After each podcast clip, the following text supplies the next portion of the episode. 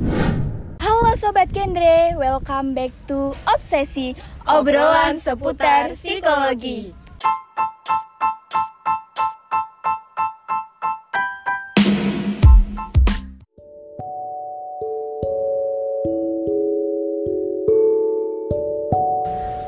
Halo, aku Syahna Suraya dari Divisi Konselor Sebaya selaku moderator dalam episode Obsesi kali ini.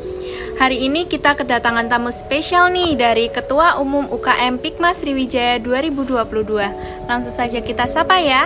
Halo Kak Alfi Korina. Halo Kak Raya. Bagaimana nih Kak kabarnya? Alhamdulillah baik luar biasa. Gimana nih kabarnya Kak Raya? Alhamdulillah baik juga Kak. Semoga kita selalu diberikan kesehatan ya Kak. Amin. Nah, di obsesi kita kali ini, Kak Alfi akan memberikan informasi dan berbincang-bincang mengenai mental health for millennial atau kesehatan mental untuk kalangan milenial nih. Wah, sangat menarik sekali tema podcast hari ini. Langsung saja kita dengarkan ya podcast kali ini. Milenial itu identik dengan proses pencarian jati diri dan mulai muncul berbagai problematika permasalahan. Nah, menurut Kak Alfi, mengapa pentingnya menjaga kesehatan mental itu, Kak? Oke, ngomong-ngomong terkait dengan kesehatan mental itu mungkin lagi viralnya banget ya Kak Raya ya terkait dengan kesehatan mental saat ini. Iya betul. Kita cerita dulu aja ya Kak Raya ya. Misal gini nih, kita merasakan kecemasan. Kecemasan itu kan salah satu hal atau perasaan yang mungkin membuat kondisi kita itu tidak nyaman gitu kan Kak Raya ya. Iya betul. Nah itu kecemasan itu merupakan salah satu gangguan di mana kita kesehatan mentalnya kita itu terganggu gitu Kak Raya. Jadi yang namanya kesehatan mental itu nggak selalu berpatokan terkait dengan bipolar ataupun yang berat-berat tapi tanpa kita sadari terkadang kita juga merasakan terkait dengan kecemasan itu sendiri yang di di mana ternyata kecemasan itu juga terkait dengan terganggunya kesehatan mentalnya kita Kak Raya. Jadi saat mungkin kalau Karaya merasakan kecemasan gitu saat mau tidur gitu kan jadinya Karaya nggak bisa tidur dengan nyenyak gitu kan Kak Raya ya. Terus saat Karaya mau melakukan ujian saat melakukan kecemasan itu kan juga rasanya juga nggak nyaman gitu kan Kak Raya. Nah dilihat dari sisi hal terkecilnya aja kalau kita merasakan kecemasan pasti kita melakukan apa pun kegiatan itu kita nggak merasa nyaman. Nah itu kesehatan mental itu sangat penting kalau menurut saya Kak Raya gitu Nah, kalau kita lihat dari arti kesehatan mental menurut WHO itu kan kesehatan mental itu di mana kita bisa mengartikan bahwa kita itu paham dengan kondisi kita, paham terkait dengan potensi apa yang kita miliki, terus juga kita bisa memanage atau mengolah stres kita, terus juga kita bisa berproduktif untuk kegiatan sehari-harinya kita. Kalau kesehatan mental kita itu terganggu, pasti kita nggak bisa produktif. Cemas kita nggak bisa melakukan kegiatan dengan baik terus juga ya itu misal kita merasakan kesedihan itu juga kita kesehatan mentalnya terganggu gitu loh. Jangan muluk-muluk melihat terkait dengan depresi gitu enggak. Tapi kita juga terkait dengan kesedihan terkait dengan kecemasan itu juga kesehatan mental kita juga terganggu Kak Raya. Jadi penting banget kita menjaga kesehatan mental kita Kak Raya gitu. Betul Kak Alfi. Apalagi uh, dengan dampak dari kecemasan mm -hmm. itu bisa menurunkan produktivitas. Iya, betul banget gitu. Iya, dari uh, eh, WHO juga menyebutkan bahwa satu banding empat itu mm -hmm. mengalami uh, itu mental health mental health itu, iya. iya. Dan mereka Terganggu kebanyakan gitu. itu nggak uh, menyadari adanya hal itu. Mm -hmm belum bisa menyadari dan mereka itu mungkin ya mungkin kalau kita mau sedih sedih aja nggak apa-apa gitu loh. Kalau kita nggak bisa menerima gitu malah nanti ke depannya mungkin bisa memperparah keadaan mentalnya kita gitu loh. Jadi kalau kita mau sedih ya nggak apa-apa kita harus terima gitu loh. Sebagian dari kita itu nggak sadar kalau kita itu ternyata kita butuh kayak menenangkan diri kita kita butuh untuk sedih itu nggak apa-apa gitu. Kalau kita bisa menerima itu semua ya insya Allah ke depannya juga kesehatan mental kita akan terjaga gitu loh iya betul sekali kak Alfi Nah, kadang e, sebagai milenial itu tidak jarang kan yang tadi disebutkan Kak Alfi sering cemas, mm -hmm. mental health-nya itu terganggu, misal mengalami rasa stres. Bagaimana langkah kita supaya bisa kita manage perasaan itu, Kak? Ya. Mungkin ya kalau gini ya, setiap orang itu mungkin berbeda-beda. Ada yang orang itu bisa benar-benar mengontrol dirinya. Ada yang juga dia itu bingung dengan kapasitas dirinya itu harus gimana gitu. Kan di mana kita itu usia-usia yang katanya itu quarter life crisis gitu kan ya Kak Raya Iya, ya. betul. kita itu masih bingung kita mau gimana kita harus bagaimana kita harus ngapain. Terkadang kita tiba-tiba sedih terkadang tiba-tiba kita seneng gitu kan ya.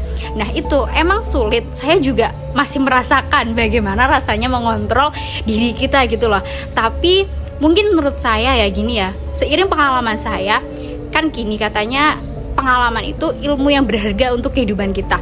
Nah, bener banget. Saya tuh pernah merasakan bahwa saya itu di mana di titik ya kalau mungkin anak-anak sekarang nyebutnya titik terendah gitu ya. Padahal ya enggak banget gitu loh ya. Itu ya bener-bener kayak ngerasa kok saya gini banget gitu loh. Kayak menyalahkan diri saya sendiri gitu loh. Dari hal-hal itu saya kayak mempunyai pembelajaran untuk hidup saya saya itu ternyata harus mengontrol diri saya. Kalau saya sudah bisa mengontrol diri saya saya bisa mengontrol perasaan saya ya ke depannya mood saya mental saya juga bakal bisa terkontrol gitu ya. Kembali lagi kita harus bisa menerima keadaannya kita kita harus bisa menerima keadaannya kita. Ya kalau kita merasa sedih ya sudah sedih saja gitu loh. Toh gini loh kehidupan itu pasti ada pahit pasti ada senengnya gitu loh. Jadi kalau kita mau sedih-sedih aja nggak apa-apa. Iya emang saya nggak baik-baik aja gitu loh. Emang saya harus menangis emang saya harus merasakan sedih gitu. Kalau kita bisa menerima itu ya insya Allah ke depannya kita bisa memanage perasaannya kita. Jadi yang pertama itu ya kita harus memanage perasaannya kita kita harus bisa menerima kondisi dan situasinya kita gitu. Jadi ya stres apa pun itu kalau misal kita bisa mengontrol keadaan dirinya kita kita bakal bisa meng memperbaiki itu semua kok. Kita kan berarti kan- misal nih Karaya pusing. Banyak banget eh, pikiran-pikiran yang ada di otaknya Kak Raya. Overthinking gitu lah ya tiap malam Iya, gitu. iya. banyak banget pikiran-pikiran. Sampai pikiran kita itu ngeheng gitu. Nah itu caranya itu kita harus ngontrol. Kita harus ngontrol diri kita kita harus nendangin diri kita. Kita harus pilih mana yang sekiranya kita bisa. Mana yang sekiranya kita itu bener-bener berat untuk menjalanin itu gitu loh. Kalau kita bisa mengontrol itu ya kita insya Allah bakal bisa gitu loh saya bisa ini, saya bisa melakukan ini, berarti saya pilih yang ini. Kalau saya nggak bisa melakukan ini, ya ya udah kita delete aja gitu loh. Jadi kita harus bisa memilah memilih ya awalnya harus ngontrol dulu gitu kak Raya. Iya, berarti kita harus fokus dulu untuk mengontrol diri kita betul supaya banget. kita bisa produktif nih Kak. Misal Iya. kita melakukan hal apa, kita fokus pada hal itu sehingga kita bisa mengontrol itu Iya. apa perasaan tersebut gitu. Nggak semuanya harus kita lakukan gitu, nggak semuanya harus kita gapai. Ada saatnya satu persatu lah kita mencapai titik-titik tersebut gitu. Jadi ditata dulu, di dilihatlah sekiranya kita bisanya yang mana gitu, gitu sih. Iya. Sangat menginspirasi sekali ya teman-teman dari Aduh, cerita iya Alfi kita ini. sharing-sharing aja nih teman-teman. Ya, setelah kita tahu cara manage perasaan cemas yang tadi telah disampaikan Kak Alfi, nah sekarang ketika ada seseorang di sekitar mengalami depresi karena mungkin adanya tekanan nih Kak, akibatnya berdampak pada perubahan sikap yang mereka mungkin tidak menyadari akan hal itu. Nah, apa yang harus kita lakukan nih Kak untuk membantu mereka? apa yang harus kita lakukan ya terkadang gini ya kita juga harus melihat kondisi sekitar kita juga terkadang gini pressure atau tekanan itu datangnya bukan dari orang lain juga datang dari diri kita sendiri itu malah yang lebih berbahaya gitu Iya. gitu kan Nah, terkadang kita juga nggak tahu teman kita itu mengalami seperti depresi atau bagaimana seperti itu kan. Ya jadi mungkin kita kalau misal teman deket gitu kan ya, teman deket atau teman yang ya kita saling kenal aja gitu. Mungkin anaknya juga pendiam, anaknya kurang bercerita. Ya awalnya kita harus menjadi pendengar setia dulu, pendengar yang baik aja. Cukup menjadi pendengar yang baik terlebih dahulu itu mungkin bisa mengurangi beban dia gitu loh. Kalau misal dia bilangnya gini, eh aku mau cerita dong, berarti kita cukup untuk menjadi pendengar baiknya aja gitu. Tapi kalau dianya udah bilang, menurut kamu gimana sih kalau kayak gini? Nah itu saatnya kita untuk masuk memberikan saran, nah, oh gitu. Tapi kita juga harus tahu, kita harus juga menganalisa dia itu sampai di titik mana depresinya itu. Kalau masih di titik cuma kecemasan, kebingungan ya, it's okay mungkin kita masih bisa memberikan kayak pelukan gitu kan ya tapi kalau misal udah sampai di titik yang lebih kayak depresinya itu bener-bener kayak udah di tingkat atas gitu ya kita harus menyarankannya kita mungkin eh, si dianya harus ke psikolog atau ke psikiater eh, ya, eh, gitu betul. kan ada tahapnya ya mungkin kan kita ke psikolog dulu gitu loh tapi kalau udah bener-bener tahapnya udah nggak bisa diberi kayak apa ya kayak ceramah atau kayak gimana gitu ya mungkin ke psikiater itu untuk diberikan obat penenangnya gitu kan ya. Ya jadi mungkin kalau untuk kita sebagai teman biasa seperti orang-orang yang hanya bisa menjadi pendengar baik yang mungkin hanya bisa menjadi teman berceritanya dia ya cukup menjadi pendengar baik aja gitu sih Kak Raya ya. Gitu. Emang berat banget sih yang namanya pressure itu ya. Terkadang juga gini loh seperti yang saya bilang di awal itu pressure itu lebih berbahaya saat kita dapetnya dari diri kita sendiri gitu loh. Terkadang kan ada orang-orang yang cukup dia buka di Instagram aja cukup dia lihat di media sosial aja. Dia ngelihat temennya dia yang SMP temennya dia yang SMK gitu. Kok dia udah bisa dapet ini? Kok dia udah dapet itu gitu kan? Nah itu udah jadi tekanan kita. Kalau kita bener-bener kok aku kok nggak bisa kayak dia? gitu. Udah jadi pressure banget buat kita gitu loh. Jadi kita boleh melihat hal-hal itu yang bisa menjadikan inspirasi kita tapi juga kita harus mengontrol diri kita gitu loh. Jadi ya mungkin kita juga harus bisa mengontrol diri kita terlebih dahulu terus kita baru bisa melihat analisanya dia itu gimana gitu. Jadi ya jadi pendengar baik aja gitu. Gitu kak. ya, betul kak. Apalagi setelah kita bisa mengontrol diri kita uh, jangan lupa juga untuk bersyukur kak melihat jangan melihat terus ke atas kita iya. melihat yeah uh, lingkungan di sekitar. Lihat itu ya kak? Iya benar banget. Apalagi kalau kita sudah melibatkan Tuhan di setiap langkah kita itu insya Allah banget hidup kita itu walaupun gagal itu nggak akan seburuk apa pun. Itu kita nggak akan menyalahkan diri kita gitu. Tapi kalau kita udah gagal kita udah ngejauh dari Tuhan ya udah kelar aja gitu loh. Kayak tambah menyesali kehidupannya kita dan mungkin bisa lebih dapat depresi gitu loh. Ya itu kalau mungkin kan kalau seusia remaja gitu kalau diberitahu kalau dia ada masalah kita masuknya ngobrol tentang Tuhan itu kan berat jadi ya cukup kita memberitahunya untuk tentang ya hal yang kecil-kecil dulu aja gitu sih Iya, karena setiap uh, semua kejadian itu pasti ada hikmahnya betul ya. Betul banget gitu kan. Setiap ada sisi negatif pasti ada sisi positifnya gitu. Nah, sebelum kita menutup podcast kali ini, pertanyaan terakhir nih Kak. Apa tips menjaga kesehatan mental nih menurut Kak Alfi? Tips menjaga kesehatan mental. Nah, itu kita harus bisa mengontrol diri kita, kita harus mengontrol kemampuan kita.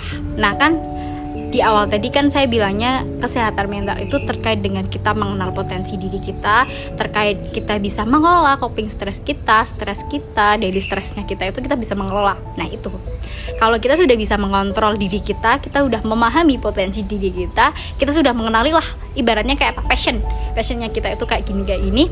Nah itu insya Allah kita bisa mentalnya kita terjaga gitu terus berarti kan kita dari kita sudah memahami potensi diri kita itu kita sudah tahu batasan kita itu segini gitu loh. Jadi kalau misal kita mau naik ya berarti kita harus belajar lagi ranksnya gitu kan.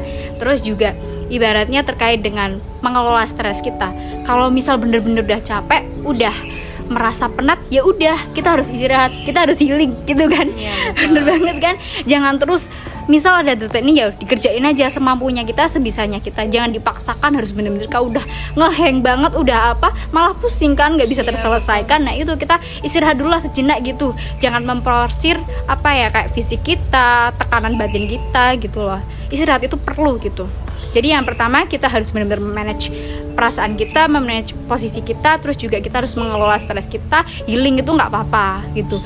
Terus kita juga harus satu lagi yang paling penting melibatkan Tuhan di setiap langkah kita itu. Ya itu, itu yang sih. paling penting ya paling penting yes, itu ya. betul gitu.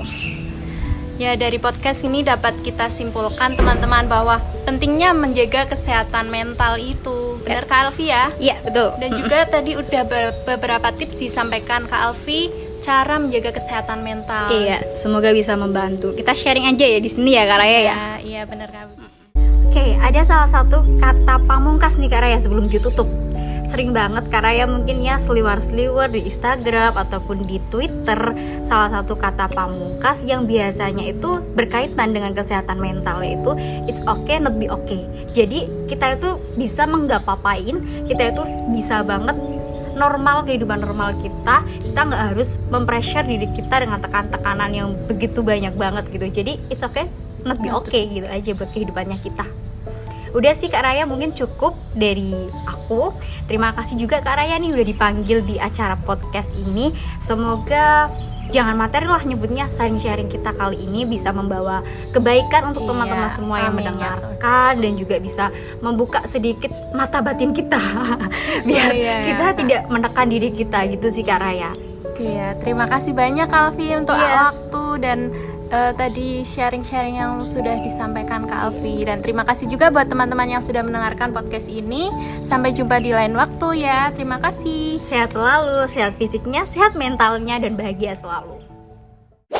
Sampai jumpa di episode selanjutnya. Bye bye.